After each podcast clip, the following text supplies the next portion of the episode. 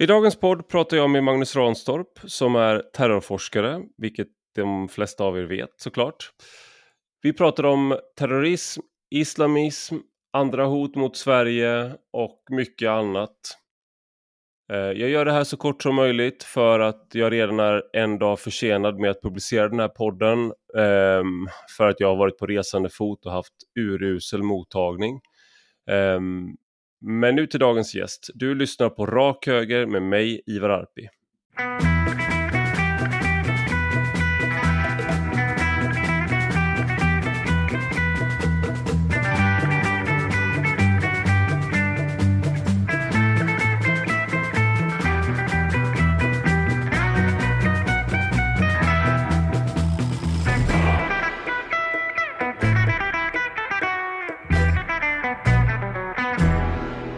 Välkommen Magnus Ranstorp till Rak Höger. Tack Ivar.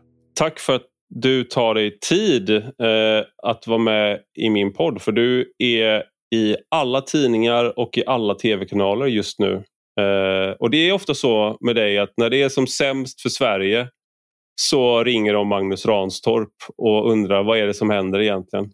Hur känns det att vara liksom en, som en stormkråka som alltid kommer till eh, när det är katastrof? Ja, det är inte heller lätt eh, för att eh, jag är inte så jättepopulär med min familj. För ofta så brukar de här, eh, de här hemskheterna hända under semestertid och då, då um, slår någon, ja, någon gen in i mig och, och jag går på alla cylindrar och uh, försöker parera både familj men också att uh, möta upp det jag tycker jag kan svara på. Mm. Um, ibland då, ofta så, framförallt om man, nu har jag varit med så pass länge, så tycker jag att det nästan är viktigare att uh, det måste vara något riktigt intressant och ofta säger jag faktiskt nej uh, mm. till intervjuer än att jag säger ja. För att uh, det tar så mycket energi. Och Det är också rätt påfrestande ibland för att det kan också vara osäkerheter i vad är det vi ska diskutera för någonting som gör att man det kräver mycket förberedelse och ibland mm. kan det kräva också samtal för att få särskild information som kan vara intressant för de som, som uh, lyssnar eller tittar. Mm. Så att, uh, men ja, det har varit mycket just nu. Men det har också varit, uh, alltså det jag fokuserar på, det jag specialiserar mig på, det är ju framförallt hur ser hotbilden ut mot mm. Sverige? Um, det är ju det jag kan riktigt. Sen, sen, finns det ju andra frågeställningar i relation till det här. Är det bra eller dåligt med koranbränningar? Vad gör andra länder och så vidare? Men där, där finns mm. det många som kan, kan mycket. Men det här med hotbilder och de här frågorna, det kan vi väldigt mycket eftersom vi har borrat ner oss i hur ser hotbilderna ut? Hur ser hotaktörerna ut? Hur jobbar säkerhetstjänster?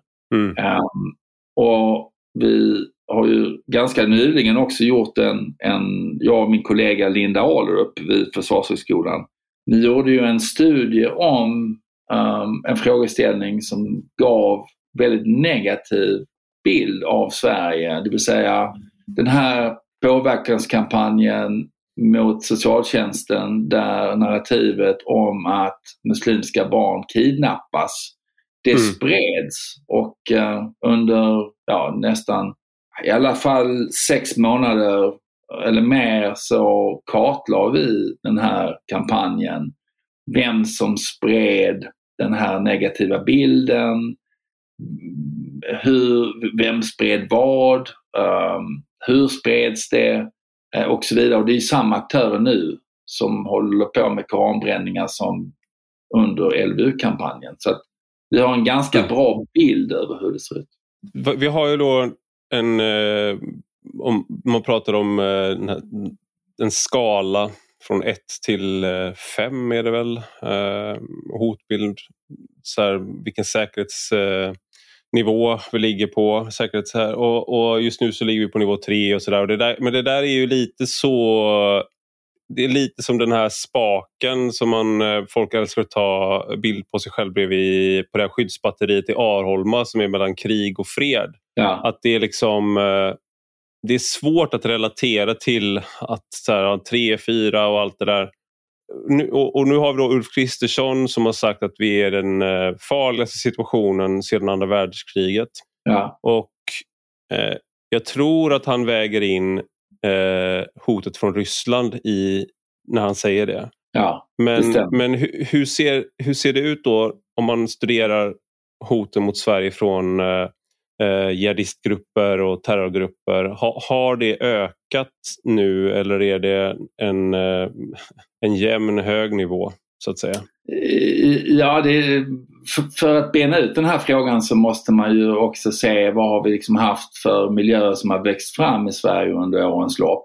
Och um, eh, det är ju så att uh, vi har radikal-islamistiska miljöer som är det är ett ganska stort omfång. Um, vi, vi har i Sverige faktiskt mer våldsbejakande radikal-islamistiska individer, det vill säga extremister som skulle kunna um, ta till våld och även genomföra attentat. Vi har mer sådana personer än alla nordiska länder sammantaget. Vi har 2000 och det här var 2017 när mm. Säpochefen gick ut med, med den här siffran. Eh, den har inte minskat, jag vill säga, snarare säga att den har ökat. Men samtidigt då så är det också så att Säkerhetspolisen har eh, kartlagt under mycket lång tid eh, personer som man har eh, förundersökningar mot som man eh, ständigt gör bedömningar mot. Eh, man vet vilka personer som har, vad ska vi säga, ja, som har en, både en vilja och en förmåga till att genomföra attentat i olika städer i Sverige. De bedriver man ofta kanske dold spaning mot. Uh, man kanske genomför uh, preventiva samtal med dem för att störa dem. Man mm. ser hela liksom, ekosystemet kring de här personerna, för de är ofta inte ensamma. De är ofta i små nätverk. Och uh, de är ju naturligtvis, eh, de håller man koll på. Samtidigt då så oroar, oroar man sig för personer i periferin. Det kan vara ensamagerande personer som är intresserade men som kanske triggas igång. Eh, men det stora liksom, faromomentet är ju personer som man inte har koll på som finns utanför Sverige. Och mm. här har vi en, en, ett brett hotspektrum uh, av aktörer som har uh, ja, börjat hota Sverige på grund av dels koranbränningar men också LVU-kampanjen, det vill säga kampanjen mot socialtjänsten. Uh, så jag, skulle vilja säga att vi har haft 18 månader av en negativ Sverigebild där mm. Där, det har på, alltså där det har pumpats, matats nästan dagligen ut till hundra, hundratals miljoner personer i utlandet, muslimska världen, arabiska världen, eh, där Sverige eh, föreställs som eh, islamfientligt eh, och mm. Eh, eh, är liksom i krig mot den muslimska världen i princip. Mm.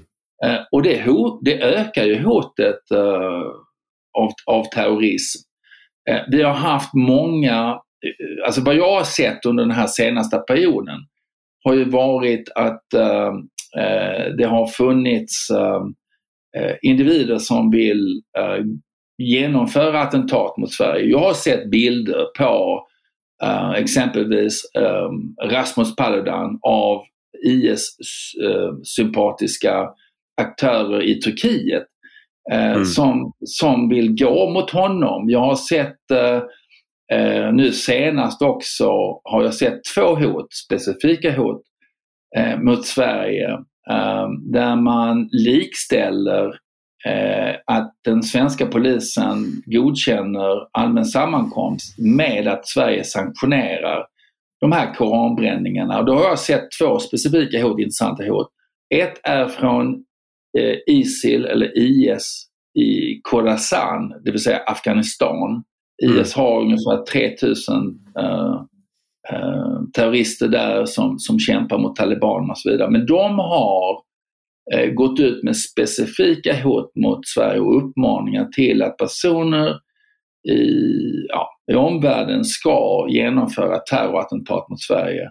Vi har också, eh, och det här är jätteintressant, också sett att Al-Qaida, och vi trodde egentligen att Al-Qaida egentligen var, var ja, någonting för historieböckerna, men Al-Qaida mm. i indiska subkontinenten, det vill säga Indien och Pakistan, har mm. gått ut med ett direktiv om att också um, mörda um, och gå på koranbrännare.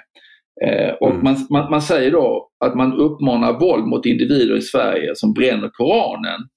Uh, mm. Och att det är en nödvändig plikt och att man, om man inte gör det så kommer koranbränningen att fortsätta. Mm. Så det har, liksom, det, har, det har väldigt specifika hot som, som går ut. Sen noterar jag i förra veckan uh, att eh, FN har ju en, en, en kommitté som följer upp och hur går det med arbetet mot IS och uh, uh, Al-Qaida. Och den här kommittén heter Analytical Monitoring Team. och i deras senaste rapport så rapporterade man att man hade arresterat 15 personer det var då i januari 2023, alltså det vill säga tidigare i år. Man har mm. arresterat 15 personer eh, som var på väg, alltså, eller som hade tagit uppmaningarna från IS i Afghanistan, det vill säga IS Khorasan, mm. att genomföra ett attentat mot Sverige uh, och Nederländerna. Och då hade man, uh, uh, det fanns planer på då att genomföra terrorattentat mot Sveriges och Nederländernas holländska konsulatet i Istanbul och eh, religiösa måltavlor eh, i Istanbul. Um, så att det mm. finns verkligen, jag har aldrig varit med om under mina år som jag har studerat detta, att fokus har varit så skarpt mot Sverige som det har varit just nu. Så, då, då måste jag bara, för det är en en sak som jag har eh, lite svårt att förstå mm. och det är ju om, om man ser ifrån så att säga, det, det allra svenskaste perspektivet på något sätt så är det mm. vi har varit haft en, eh, västvärlden, en av västvärldens mest generösa eh, migrationspolitik. Och ja. vi har välkomnat muslimer och många andra från mm. hela världen. Och vi mm. har idag en väldigt stor andel av befolkningen som är muslimsk om man kollar på hur, hur snabbt det har gått så att säga att eh, väldigt många kommit hit.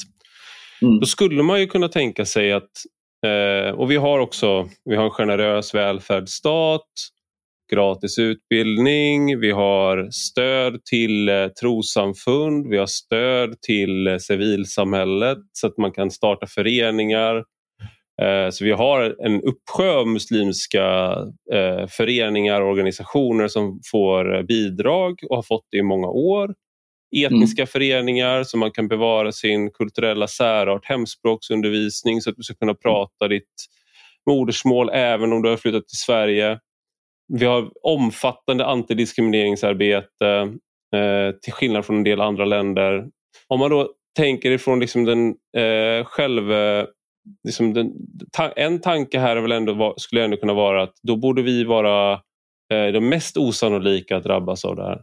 Ja, det skulle man kunna tro. Eh, men Sverige har under lång tid varit en fristad. Det har varit eh, en plats där eh, man inte möter mycket motstånd. Och nu pratar jag inte om bara de senaste 10-15 åren. Det här har ju utvecklats sedan ja, slutet på 80-talet, början på 90-talet eh, eh, där de här radikala krafterna började liksom organisera sig. Och det har ju varit liksom enskilda personer som har råkat komma till Sverige och som har haft väldigt så att säga, kraftiga kopplingar till, till olika konfliktmiljöer runt, eh, runt i, i Mellanöstern och så vidare. Men, men, men det har varit riskfritt det har inte funnits någon lagstiftning, det har varit riskfritt att uh, göra detta och det svenska systemet har också gjort att det är lätt att generera offentlig finansiering till olika mm. typer av föreningar och så vidare. Och, och, det är ju det jag ibland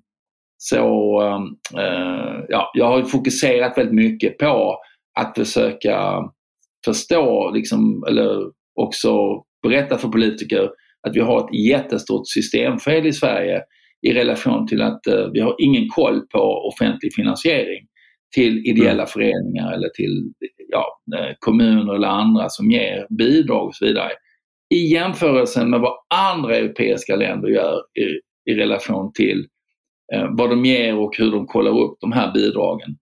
Men mm. alltså Sverige, Sverige, vi har ju också liksom en, en vi är också konflikträdda och har en konsensuskultur. Vi gillar inte att diskutera religion. Vi gillar inte att diskutera eh, eller ha konflikt eh, i relation till den offentliga debatten, vilket gör oss också till ett ganska lätt byte i relation till uh, varför ger man sig på Sverige? Varför ger man sig inte på de andra länderna lika mycket som mm. Sverige? För vi, är ju såg, vi är ju snällare, alltså vi är ju snällare mm. Än Danmark och Norge. Vi är ju snällare mm. än Frankrike så det känns ju som, det känns ju elakt tycker jag att det är just Sverige som utses. Vi borde ju, vi borde ju liksom genom alla våra liksom vårt sätt att agera. Vi, de borde ha förstått att vi är de snälla. Det är vi som är de snälla. Varför ger ni, ja. varför ger ni er på just oss? Nej, men det är helt rätt. Eh, men, men, men det, det är så att eh, vi har, vi har blivit en, lite grann en svag länk i just det här spelet. Om vi tar nu karikatyr, eh, eller om vi tar koranbränningarna um, mm. så har vi blivit en svag länk i, i, i själva systemet. där du har, du har, dels har du liksom aktörer i Mellanöstern som vill elda på um, den här konflikten. Um, man vill elda på för att man vill skapa en, en slags särlagstiftning eller man vill lagstifta om att förbjuda kritik mot ja, islamofobi um, i en bred bemärkelse. Att man inte ska kunna skända eller håna en religion. Um, mm. Vi har stater som använder detta Eh, för sina inrikespolitiska syften. Iran, ja det är jättebra eh, för Iran för då behöver de inte fokusera på den, den, ja, den eh, vad ska vi säga, revolution som har avstannat i relation till, till kvinnors frigörelse i Iran och hela den, alltså, Iran har ju varit under repressivt hårt tryck eh, sedan 1979 um, mm. eh, och iranska revolutionen. Du har liksom en shia-muslimsk axel som sträcker sig från Teheran genom Irak och eh, Muqtada al-Sadr som var den som hjälpte till att och liksom, uh, mobilisera stormningen av den svenska ambassaden ända mm. till. Hezbollah i Libanon som är liksom en förlängd arm av Iran som nu har deklarerat krig mot Sverige och liksom försöker elda på. Du har Turkiet och Turkiet har liksom länge specialiserat sig på att försöka eh, använda islamofobistämpeln som ett eh, verktyg för att eh, Eh, gå i konflikt med västvärlden, um, framförallt Frankrike mm. och den separatismpolicy som man har, har fört. Och nu har man hittat Sverige nu kan man liksom också använda det i relation till Sveriges NATO-ansökan. Um, mm. Så det är många krafter i omlopp som gör att Sverige blir väldigt uh, Alltså det, det, det, är ett lätt byte uh, i relation till övriga västerländska länder. Jag kan ju mm. också säga att i relation till när vi tittade på LVU-kampanjen och den som eldade på allra mest, det var en, en, en egyptisk bloggare som har miljontals följare på social media.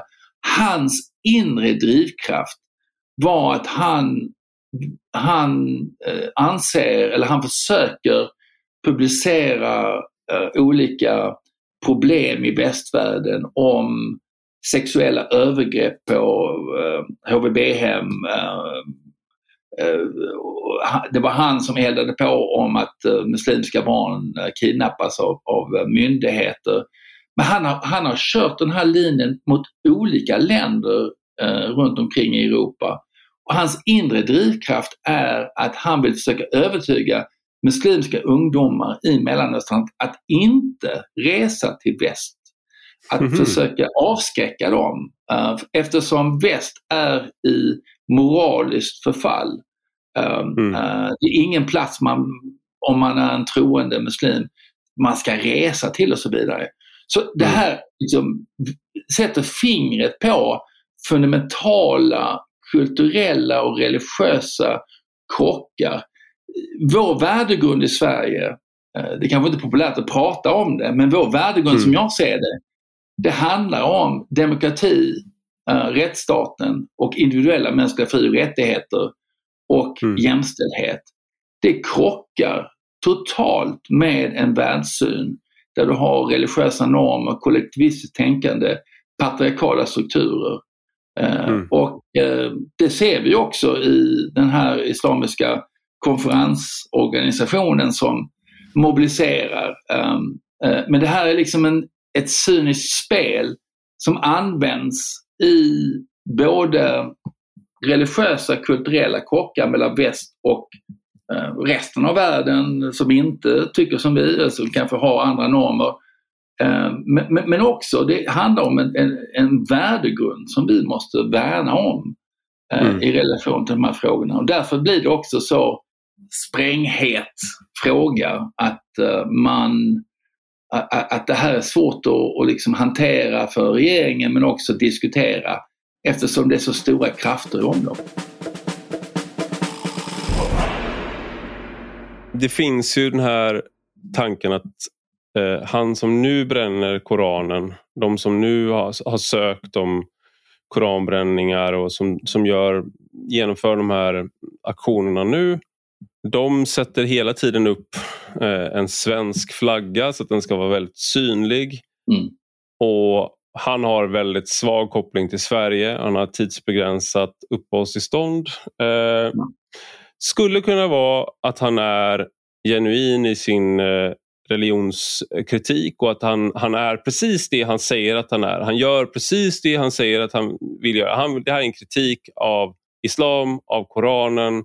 Men det skulle också kunna vara som en del antytt att det, han är liksom används av krafter som vill skada Sverige. Alltså, hur, hur, tycker du, hur ska man tänka kring de här sakerna? Vad, vad är liksom en rimlig konspirationsteori om det nu finns någon sån? Eller ska man Ska man ta honom på orden? Alltså, hur, hur ska man tänka kring det här? Ja, vi har ju inga liksom, konkreta belägg för att han styrs eller han får betalt eh, eller att han, eh, han, eh, det finns, man utövar någon typ av påtryckning mot honom och så vidare. Det vet vi inte ännu. Så i avsaknad av bevis så får vi i alla fall söka efter de bevisen. Alltså, man ska ju vara skeptisk. Här har du ju liksom en person som som vill ha uppehållstillstånd, permanent uppehållstillstånd och eh, bli en del kan få Sverige. Men eh, hade man, hade man behövt eh, ett skäl till att stanna i Sverige och inte utvisas och så vidare så hade man kunnat bränna Koranen en gång mm. och kanske ge ett skäl men man, man behöver inte göra det upprepade gånger som han har gjort. Så det är naturligtvis ett jättestort frågetecken. Sen, sen lyfts ju hela tiden det här med Ryssland och så vidare och jag, jag tycker att ibland får det lite överdimensionerade proportioner. Um, mm. Det får överdimensionerade proportioner eftersom ja, det finns de aktörer i Ryssland eller Ryssland nära aktörer som mm. sprider arabisktalande information om just uh, koranbränning och så vidare. Det finns liksom belägg. Det finns krafter som försöker exploatera detta och det, det har Ryssland alltid gjort. De har opererat genom högerextremistiska kretsar och krafter, mc-gäng, systemaklubbar och så vidare runt omkring i Europa. Mm. Det är liksom inget nytt um, men det blir liksom lite fel, missvisande att bara liksom fokusera på, på Ryssland i relation till det här. Det här är en jättekraftfull allians där de har hittat en konfliktyta mot Sverige som är väldigt mm. tacksam och väldigt lätt att exploatera. Och när det blir riktigt allvarligt, när jag, bör, när jag, när jag såg att um, den här uh, islamiska konferensorganisationen började liksom involvera sig, ja då, då är vi i begynnelsen av det som Danmark um, ja, bevittnade i relation till Jyllandsposten. Det vill säga att mm. de här repressiva länderna de tillåter ju också att man demonstrerar och så vidare. Tack och lov mm. så har ju bara demonstrationerna hittills varit i Irak. Eh, det har varit lite på andra platser men inte på samma omfång som det var under danska Mohammed-krisen. Um, men sen är det också så att, att um, vad jag upptäckte... De har, de har ju någon sån här eh, någon konstig afasi mm, i de här demonstrationerna. Ja. För att de klarar, de klarar inte av, de vet kanske inte egentligen var Sverige ligger eller vad Sverige är för land. Nej. Eller, nu kanske jag underskattar dem. Men plötsligt ja. så börjar de ropa död åt Israel, död åt USA. Ja, bara, alltså men det de... handlar inte, man, de, har ingen, de har ingen demonstrationsdisciplin. Här nej. hade Socialdemokraterna kunnat hjälpa ja. dem kan jag känna. Att ja. det är liksom, ni måste, nej, men, nej, nej, inte Israel nu. Blanda inte in Israel. Det har inte med judarna att göra. Just det här är Sverige ja. faktiskt. Det är svenskarna som vi ska prata om nu. Ja. Ah, ja, det var ett sidospår. Nej men, då vill, nej, men då vill Frimar det och jag har, också sett, eh, jag har också sett att de använder amerikanska flaggan. Och jag såg en, en video med talibaner som uh, använde, liksom, det, var, det var ungdomar då som barn som då tränades till att trampa på en docka som var utklädd som, i svenska flaggans färger och sådär. Um, ja. eh, man, men men, men en, en, viktig del är också att det här handlar, liksom, det handlar om, om en större konflikt mellan värderingar um, mm. och uh, det ser man också genom att de bränner uh, prideflaggan. Um, de, mm. de bränner prideflaggan jämte svenska flaggan i vissa, i vissa platser.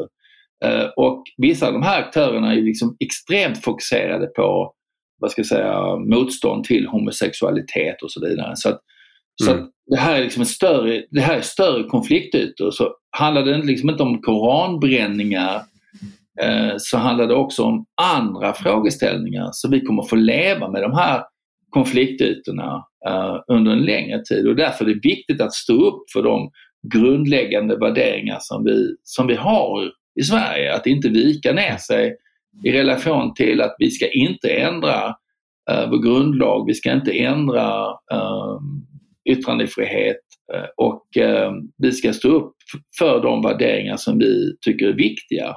vi ska definitivt inte tillåta länder som är odemokratiska diktaturer som eh, behandlar sin egen befolkning förkastligt eh, mm. um, enligt religiösa normer. Um, så jag tycker det är liksom viktigt, här måste man ha is i magen i relation mm. till det här. Jag vill bara tillägga en intressant sak.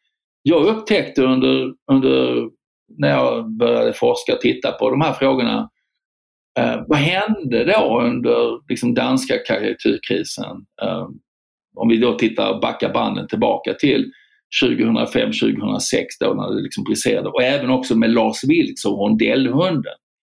Mm. Och vad jag upptäckte då var att, att eh, ja, eh, den här liksom stora organisationen uh, Organization of Islamic Conference um, uh, uh, som är, är de här 57 olika länderna. När de mm. blir involverade bör det bli riktigt allvarligt. Men jag upptäckte också att Muslimska brödraskapet uh, gav sig in i leken. Uh, det vill säga att vi hade ju danska imamer som åkte ut till Mellanöstern och de hade med sig en dossier mm. Med, um, där de eldade på och, och, och, och ja, försökte göra det värre. men det fanns en organisation som hette um, International Support Organization, ISO. Mm.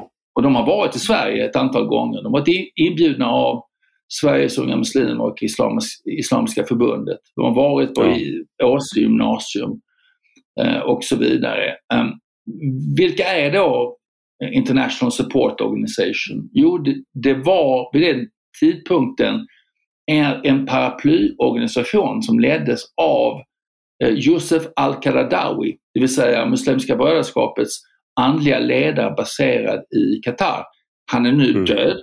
Men um, det intressanta var i sammanhanget är att de koordinerade uh, med danska, svenska muslimska organisationer vad man skulle göra um, i relation till um, om man skulle um, elda på, vilka typer av aktioner man skulle genomföra. Exempelvis mot Nerikes Allehanda eller Lars mm. Vilks mm. och så vidare. Så när jag hör det här exemplet med att uh, Fredrik Reinfeldt satt i Södermoskén och diskuterade. Ja, det var bra att ha dialog. Jag uh, för dialog. Jag tycker det är viktigt och så mm. vidare. Men man ska veta att det fanns en baksida, att det fanns en morot och en piska. Att det fanns en koordinering här emellan. Vilket eh, de flesta liksom inte vet om. Så att det känns som att det, det finns en informationsasymmetri mm. ibland, eh, ofta i de här eh, sammanhangen. Det vill säga lite som att eh, de vet vilka vi är och, och eh, de, ja. de har koll på eh, våra system, eh, liksom politiska konflikter och liknande. Men när då till exempel Reinfeldt går till Södermoskén eller när Muharrem Demirok går, och går till en moské. Då vet de inte liksom, okay, hur placerar sig den här moskén i förhållande till andra krafter? Hur ser de här nätverken ut? Så att säga, när Fredrik, jag kan garantera nästan att när Fredrik Reinfeldt satt där och pratade med dem så sa han inte till någon av dem, jag vet att du nu sitter och pratar med de här människorna, det ska du upphöra med att göra. Nu är du i Sverige. Alltså, det, fanns ingen, det finns inte en sån eh, offensiv dialog. Eh, och det, för att man, ha, man liksom är hela tiden i, har kunskaps... Eh, eh, liksom asymmetri där. Och, och det, där, det här är ett problem som återkommer hela tiden men jag vet inte om vi längre kan kosta på, för det, det är någonting här som du är inne på nu då med eh, de här nätverken som du har pratat om med LVU-kampanjen och att det är samma ja. nätverk nu som mobiliserar och att om vi tar då Islamiska förbundet och Sveriges unga muslimer som av flera bedömare anses då stå Muslimska brödraskapet väldigt nära. Och det här är ett exempel på det. då, Till exempel att, ja. hur de agerade under ja. karikatyrkrisen och, eh, och Lars Vilks eh, senare. Då. Men vad, hur mycket av en så att säga... Man får, man får akta vad man säger här men det finns ju ordet eh, femte kolonn är ju liksom, har att göra med nationalism mer kanske. Att du har, när, när nazisterna erövrade ett land så fanns det redan ett nazistparti i det landet som var jätteglada över att Hitler kom eller något sånt där. Eh, du kan ha människor som är liksom egentligen är lojala med en annan makt. Eh, här är det ju inte riktigt någonting nationellt och det gäller inte alla muslimer. Men hur, liksom, hur många människor handlar det om egentligen i Sverige som har helt andra intressen eller kanske till och med vill skada Sverige eller förändra Sverige eh, i en sån eh, så grundläggande, på så grundläggande sätt att eh, det, vi, det skulle bli oigenkännbart helt enkelt. Det är en väldigt stor ja. fråga. Ja, det är en jättestor fråga. Jag har inget, eh, jag har inget jättebra svar. Jag tror inte det. Jag tror inte det. De vill skada Sverige i relation till de här frågorna på det sättet. Jag tror... Eh, alltså, när det handlar om den här, eh, det här som skedde då med, med att när Reinfeldt satt i Södermoskén så var det samma personer som koordinerade med Muslimska brödraskapet vad man skulle göra för och så vidare ja, till mm. syvende och sist så fungerade de, de, de, de trappade ner konfliktnivån. Men eh, jag tror det fanns en total omedvetenhet i relation till UD eller till våra underrättelsemyndigheter att det här skedde samtidigt. Det, mm. Eh, alltså det, det, finns en väldigt låg um, medvetenhet och det finns en enorm naivitet och godtrogenhet. Jag menar, varför skulle inte andra um, personer du har kontakt med ha en, en, en, en agenda uh, som, när du träffar dem? Um, mm. Jag kan bara ta ett bra exempel. Um, vi hade demonstrationer på Medborgarplatsen, uh, Södermoskén, nyligen. Vem var den första talaren som var på, um, på demonstrationen? Jo, det var Rashid Musa. Han är inte en mm. del av, av, av moskén och så vidare men han, han har ett stort inflytande i den, eh, vad ska jag säga, miljön andra personer som var, som var där. Han var alltså, tidigare var... ordförande för Sveriges unga muslimer och en ganska ja, radikal som, röst. Så. Ja, och, så, och, och, som också blev av med sitt eh, bidrag eftersom organisationen inte respekterade demokratins idéer enligt eh, Högsta mm. förvaltningsdomstolen. Um, um, men en väldigt populär eh, uh, ungdomlig röst och så vidare.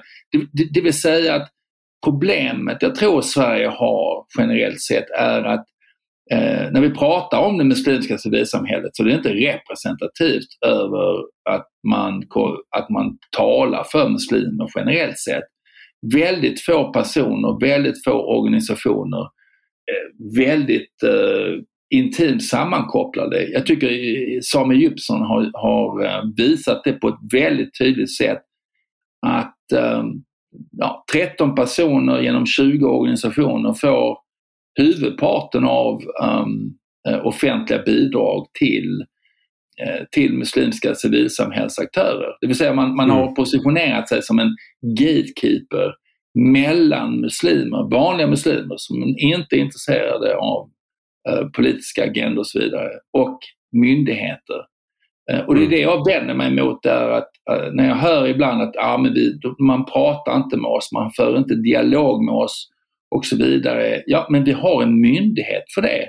Det är Statens nämnd för mm. trossamfund. Du behöver inte träffa mm. statsministern eller på den nivån för att liksom få ner konfliktnivån. Och utöver detta så tycker jag det är viktigt att, att uh, också fråga, okej, okay, uh, eh, på vilket sätt har, har uh, ni främjat att, eller motverkat den nidbild som sätts i omvärlden? Och det tycker jag är en, en legitim fråga till alla. Vad har ni gjort för att uh, få ner konfliktnivån? På vilket sätt mm. kan ni motverka de här problemen som Sverige står inför? Uh, det är mm. inte, inget orimligt, uh, ingen orimlig fråga att ställa till de här mm. olika krafterna. Men tyvärr är det som så att ofta i Sverige i den offentliga debatten så ställer vi inte de svåra frågorna.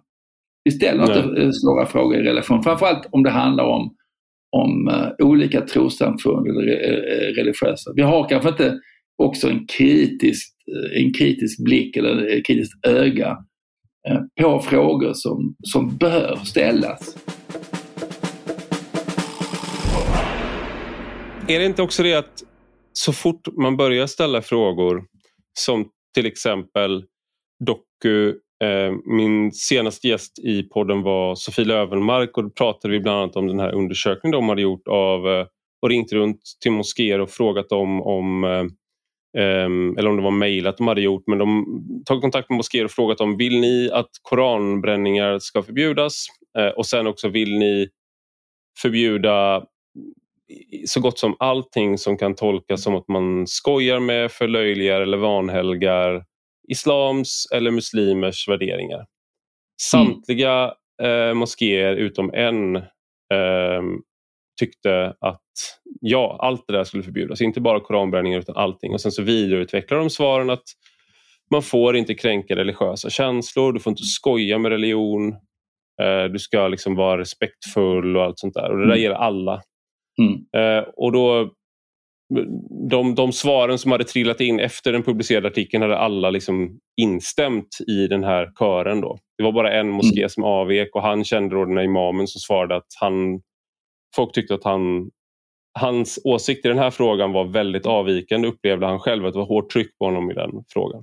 Mm. Och Då mm. tänker jag bara att det där är så otroligt främmande från hur gemene svensk tänker kring eh, yttrandefrihet och sådär och, och helighet överlag. Liksom att, att, det, liksom att man ska hålla saker så otroligt heligt. Jag menar, så att när man börjar ställa de här frågorna då blir det så uppenbart att man åtminstone i de här frågorna står ganska långt från varandra.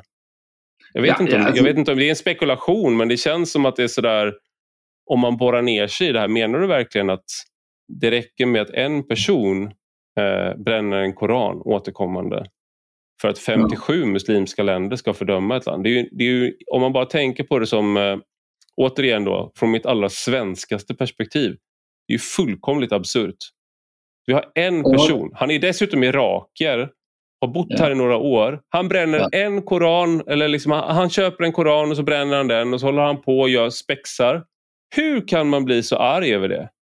Jag ja. förstår inte som svensk. Nej, men... Sen förstår jag ju när jag har lärt mig om liksom, hur islam funkar och sådär. Men... Ja, men, men, men uh, först, först och främst så tror jag inte det kommer att hjälpa att bara liksom försöka använda eller justera ordningslagen i relation till att inte bränna mm. utanför mm. ambassader.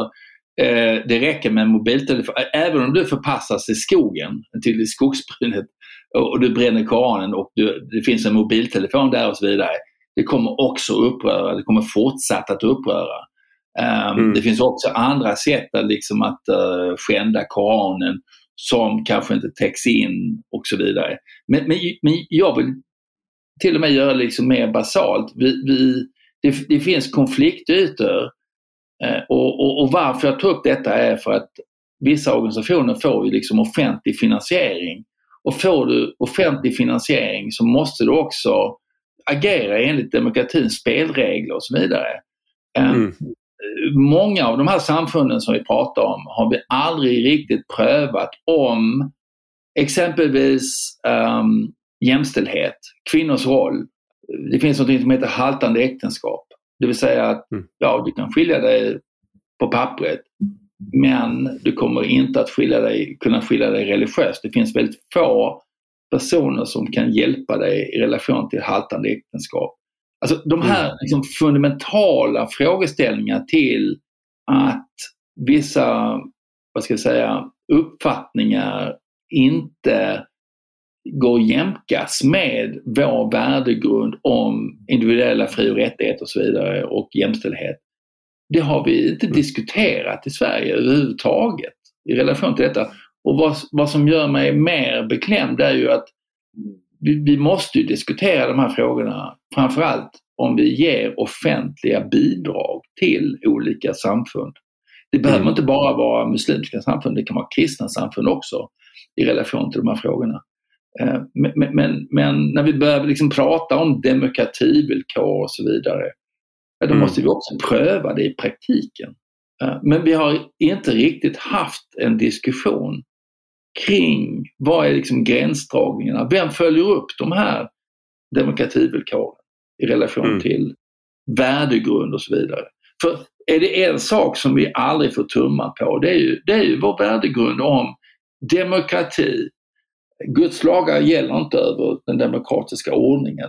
Rättsstaten, mm individuella fri och rättigheter. Ingen annan människa har rätt till att begränsa kvinnors rättighet till att dejta, till att träffa, till att agera i det offentliga rummet, till att klä sig som man vill. Eller barns mm. rättigheter um, mm. i relation till det här. Och, och vi, alltså, har vi inte fokus på de frågorna, ja, då, då vet vi liksom, då, då, har vi, då har vi ingen fokus på de rätta frågorna.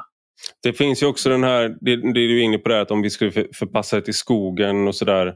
Ja. Um, det, det, det, för ju liksom in tanken på det här eh, liksom filosofiska problemet. Uh, liksom om, om, ett, om ett träd faller i skogen uh, men ingen hör det, gör det då, ger det då ifrån sig något ljud? Och om ja. någon filmar det och lägger ut det på nätet så att ljudet kan höras i efterhand, gills ljudet då? Liksom, mm. alltså hur, och det där är, ibland har man ju sagt att någonting har skett. Ja. Eh, och då har ryktet räckt. Eh, och ibland är det till exempel då de här som åkte runt i eh, de danska imamerna som åkte runt i Mellanöstern, eh, Mohammed-karikatyrerna där. Ja. De tog ju med sig falska karikatyrer som var mycket mer provocerande också. Som de ja. påstod var en del av det. Ja. Eh, det har också exempel på när eh, det går rykten om i Egypten om att en muslimsk kvinna har tvångskonverterats till eh, kristendom till exempel och gift mm. sig med en kristen man. Och Det mm. kan leda till liksom, eh, enorma urladdningar av våld där polisen liksom inte antingen är maktlös för att de är för få eller att... Så här, och det, det, det, även om det inte är sant så är konsekvenserna så omfattande att mm.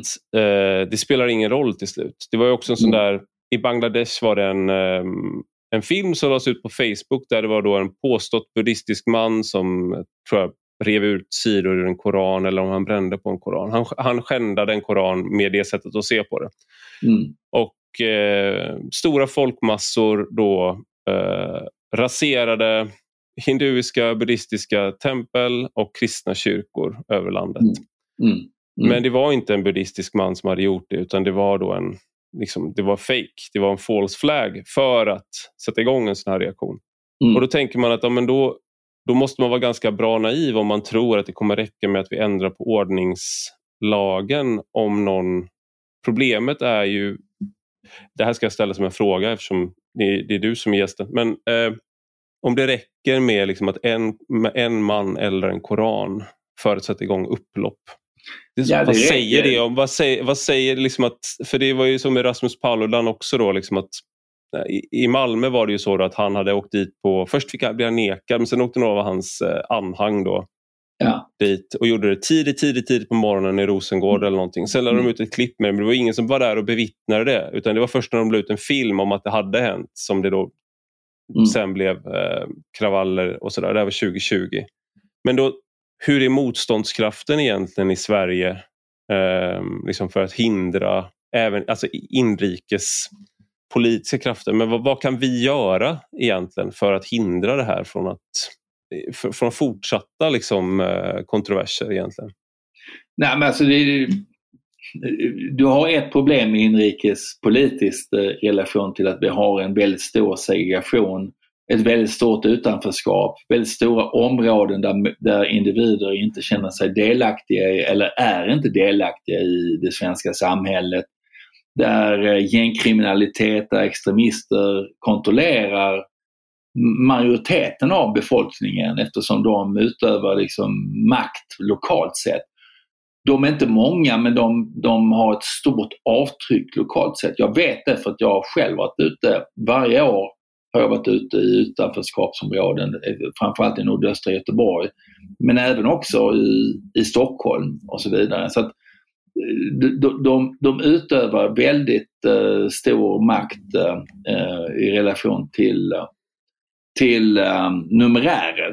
Um, mm. Och det säger någonting om, om utmaningarna i Sverige på lång sikt. Men du har det, du har det som sker i Sverige och de, alltså, normer som finns och, och eh, hur utvecklingen ser ut i Sverige, vilket är problematiskt i relation till gängkriminalitet. Men, men också rent generellt normer till att man, man informerar de som kommer till vårt land, nyanlända och andra. Vad är det för regler som gäller? Hur fungerar Sverige? Vad, är det, vad, vad förväntar vi oss att ni ska göra? Och det här kan vi tillhandahålla.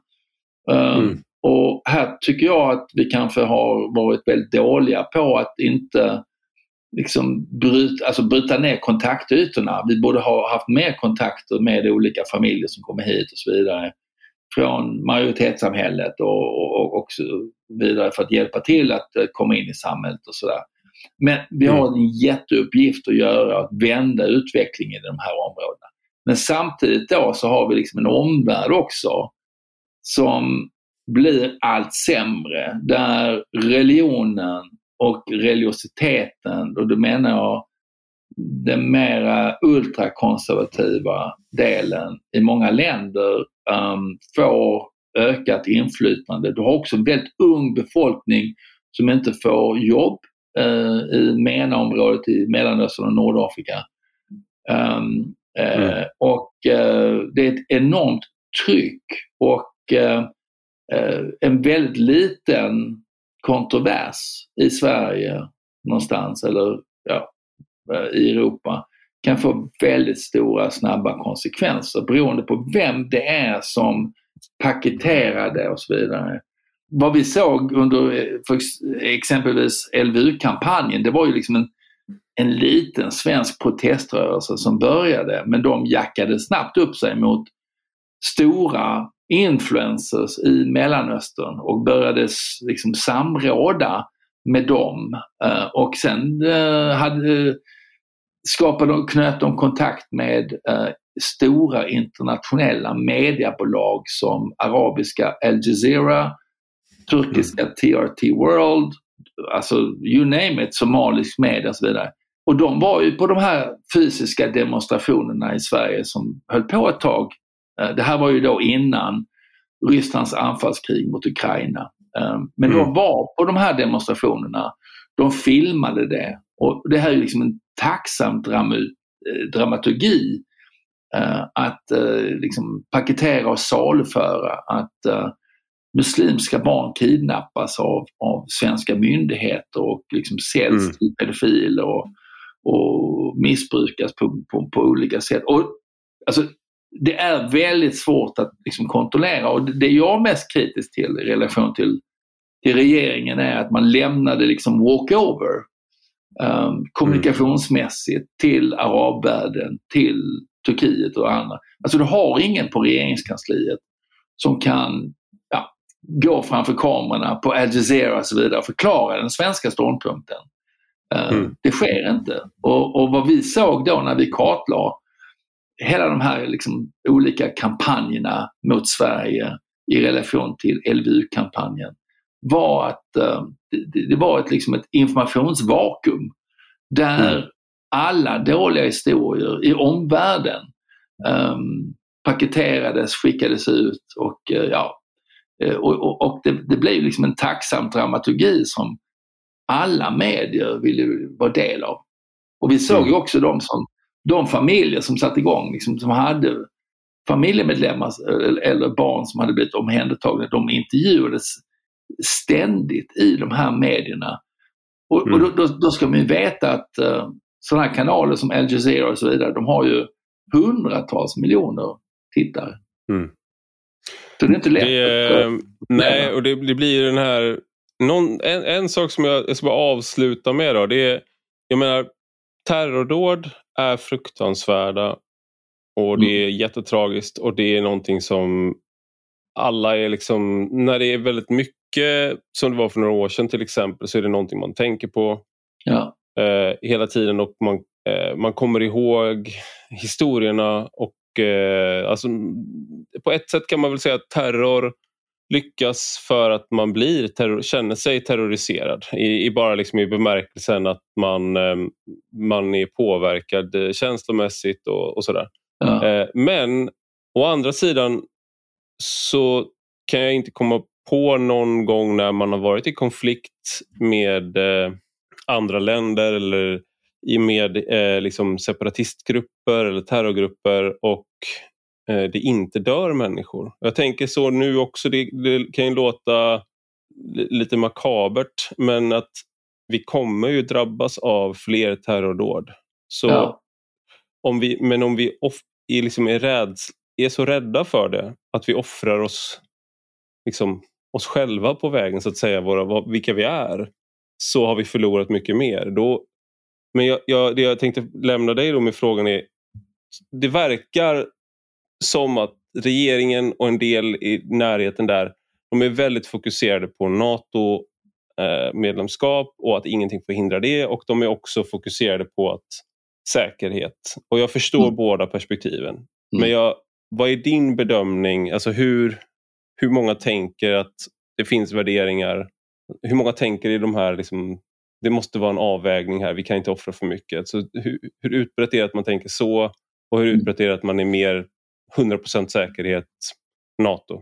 Ja, men jag tror att, uh, jag tror att uh, jag tror regeringen är i en rejäl dilemma för att de, de har ju fått briefings ifrån våra underrättelsemyndigheter och uh, det är på allvar. Det är på allvar att det mm. riktas extremt allvarliga terrorhot mot Sverige. Mm. Eh, de kan inte gå ut och kommunicera exakt vad de får för briefings eller vad, detaljer i relation till detta. Nej. Samtidigt då också så, så är Sverige ett exportberoende land. Eh, börjar de här länderna agera med liksom, ja, um, att försöka bojkotta svenska varor och så vidare, då, då blir det också allvarligt. Eh, samtidigt också så vet de att det, att det finns en inrikespolitisk debatt och mycket viktig debatt i relation till ehm, att man inte ska ge vika på yttrandefrihet och så vidare. Så att du måste också kunna hantera den delen samtidigt som oppositionen försöker framställa dem som inkompetenta och passiva och på olika mm. sätt försöker löjliggöra dem i, i den här krisen. Och så är det semestertider. Så det är ingen lätt situation. Men, men jag tror att alltså för gemene man så tror jag att det är viktigt att tänka på att här handlar det om värderingsfrågor. Um, om, om att man, uh, alltså vi, jag tycker att det är viktigt att uh, poängtera att vi ska inte tumma på våra ja, värderingar som vi har jobbat så hårt på under så många ja, decennier um, uh, i relation till yttrandefrihet och, och demonstrationsfrihet och, och, och, så vidare. Um, det är viktigt att, uh, att, att inte göra förhastade beslut. Um, men det är en akut säkerhetssituation. Men vi har professionella säkerhetspolis uh, och poliser. Um, vi ska också komma ihåg att um, det här är ett internationellt lagarbete. Så den tyska säkerhetstjänsten, franska, brittiska, amerikanska, andra säkerhetstjänster jobbar tillsammans med Säkerhetspolisen och MUST och FRA till att mm. hålla vårt land säkert. Så, så det, jag tycker inte man behöver oroa sig säkerhetsmässigt på um, gör vi vad vi kan, för det gör de här myndigheterna. Det vi ska fokusera på är egentligen värderingar. Vad är politiskt sett villiga till att offra för detta? Och det, där vill jag, där tycker jag det är viktigt att uh, vi är så restriktiva till att försöka ändra någon lagstiftning som möjligt. Mm. Stort tack Magnus Ranstorp för att du var med i Rak Höger. Ett nöje. Tack Ivar. Och stort tack till dig som har lyssnat. Gå gärna in och skriv en recension på Apple Podcasts eller i den app där du lyssnar på podden. Och detta är alltså en del av en större publikation på Substack med samma namn som podden. Och den som prenumererar där kan även ta del av de texter jag skriver. Gillar man det man läser och hör får man gärna bli betalande prenumerant för 5 euro i månaden eller 50 om året. Då får man ta del av lite exklusivt extra material också. Du hittar rubbet på ivararpi.se. Och har du några frågor eller synpunkter kan du alltid mejla mig på ivararpi Vi hörs igen.